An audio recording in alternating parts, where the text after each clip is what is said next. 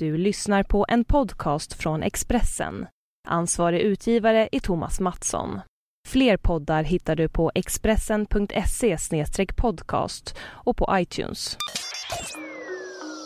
Det här är Expressen Dokument om Klasklanens grepp om affärsimperiet av Malin Ekman som jag, Johan Bengtsson, läser upp. En är dressyrryttare, en annan flygkapten och två driver nöjesfält. Clas Olssons arvingar har tagit sina egna vägar, men i kulisserna förbereder de för ett generationsskifte. Ägarfamiljerna kallar sig Klasklanen och träffas två gånger om året för att skolas in i företaget. Vi är fortfarande ett familjeföretag, försäkrar Mattias Heid, som inom familjen ses som pappa Björn Heids självklara efterträdare i styrelsen.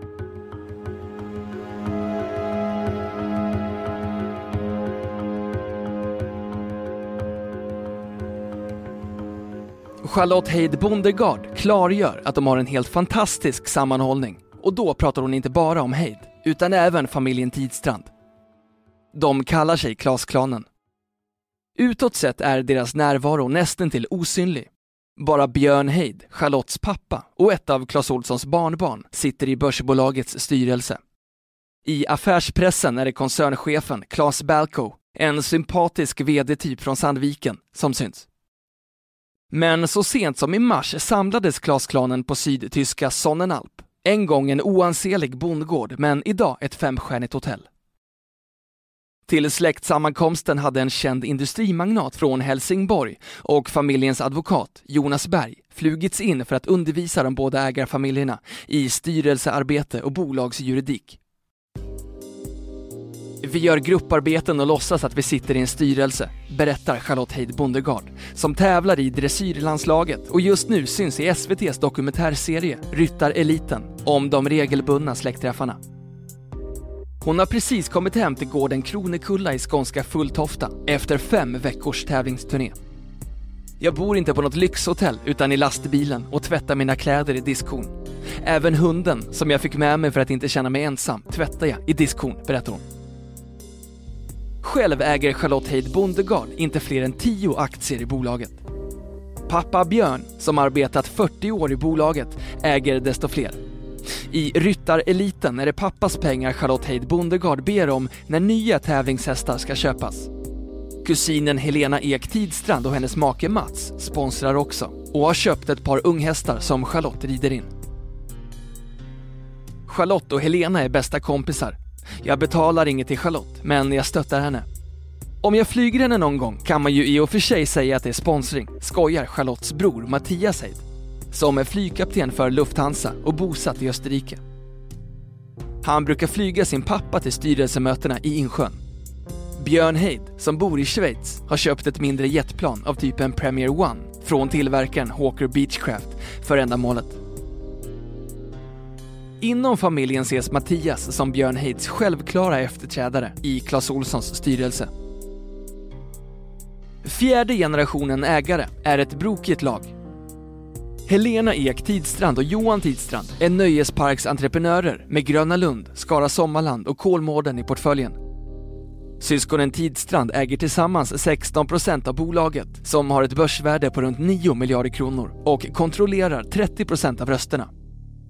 De fick ärva sin mor Gunilla Tidstrand som gick bort år 2000 vars farfar var grundaren Clas Olsson.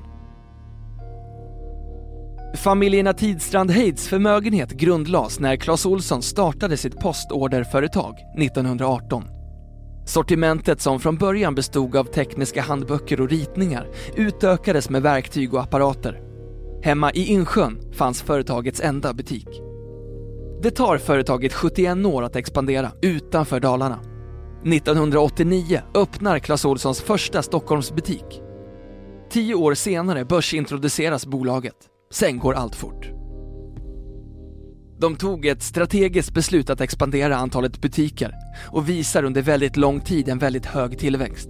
I princip fram till finanskrisen 2008 har de en tillväxttakt på 20% per år det är hysteriskt högt, säger Thomas Linnala, börskrönikör, aktieanalytiker och chefredaktör för Placera. Ägarfamiljerna har gjort rätt som överlåtit det operativa ansvaret, tycker han. Sedan 1983, när Clas Olssons son Tore klev av, har VDn rekryterats utifrån. Det är väl klokt. Sen får familjen hantera sin inbördes relation bakom kulisserna. Det som är livsfarligt för ett företag är om olika grupper inom familjen börjar hetsa mot varann, så att det blir en otydlighet i strategin. Men vi har inte sett några sådana tendenser i Clas Olsson, säger Thomas Linnala. På ytan liknar Clas Olsson på intet sätt ett familjeföretag, men inom koncernen talar man om Clas Olsson-andan.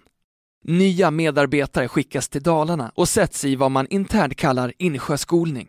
En obligatorisk introduktionskurs i miljardbolagets företagskultur.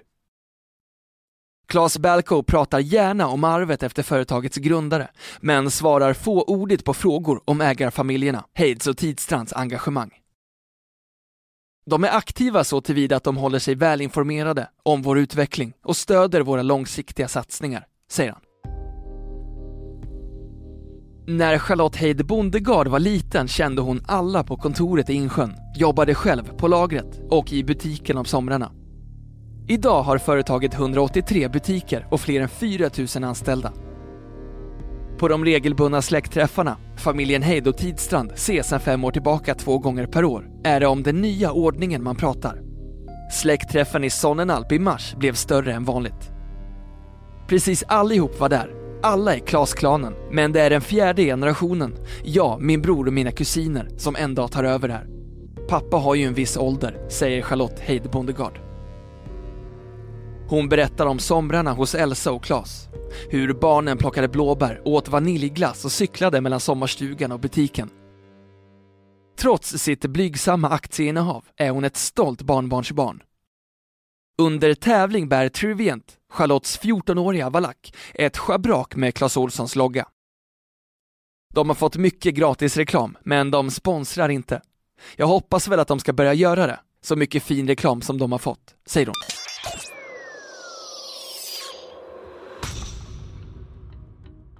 Du har lyssnat på en podcast från Expressen.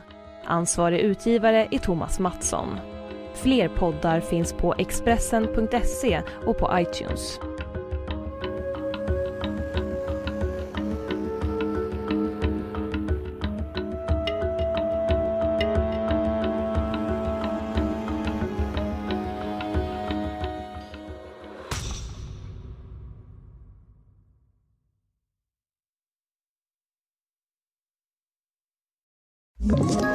Ett poddtips från Podplay. I fallen jag aldrig glömmer djupdyker Hasse Aro i arbetet bakom några av Sveriges mest uppseendeväckande brottsutredningar.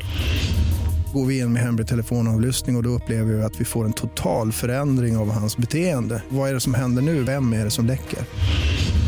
Och så säger han att jag är kriminell, jag har varit kriminell i hela mitt liv men att mörda ett barn, där går min gräns. Nya säsongen av Fallen jag aldrig glömmer på Podplay.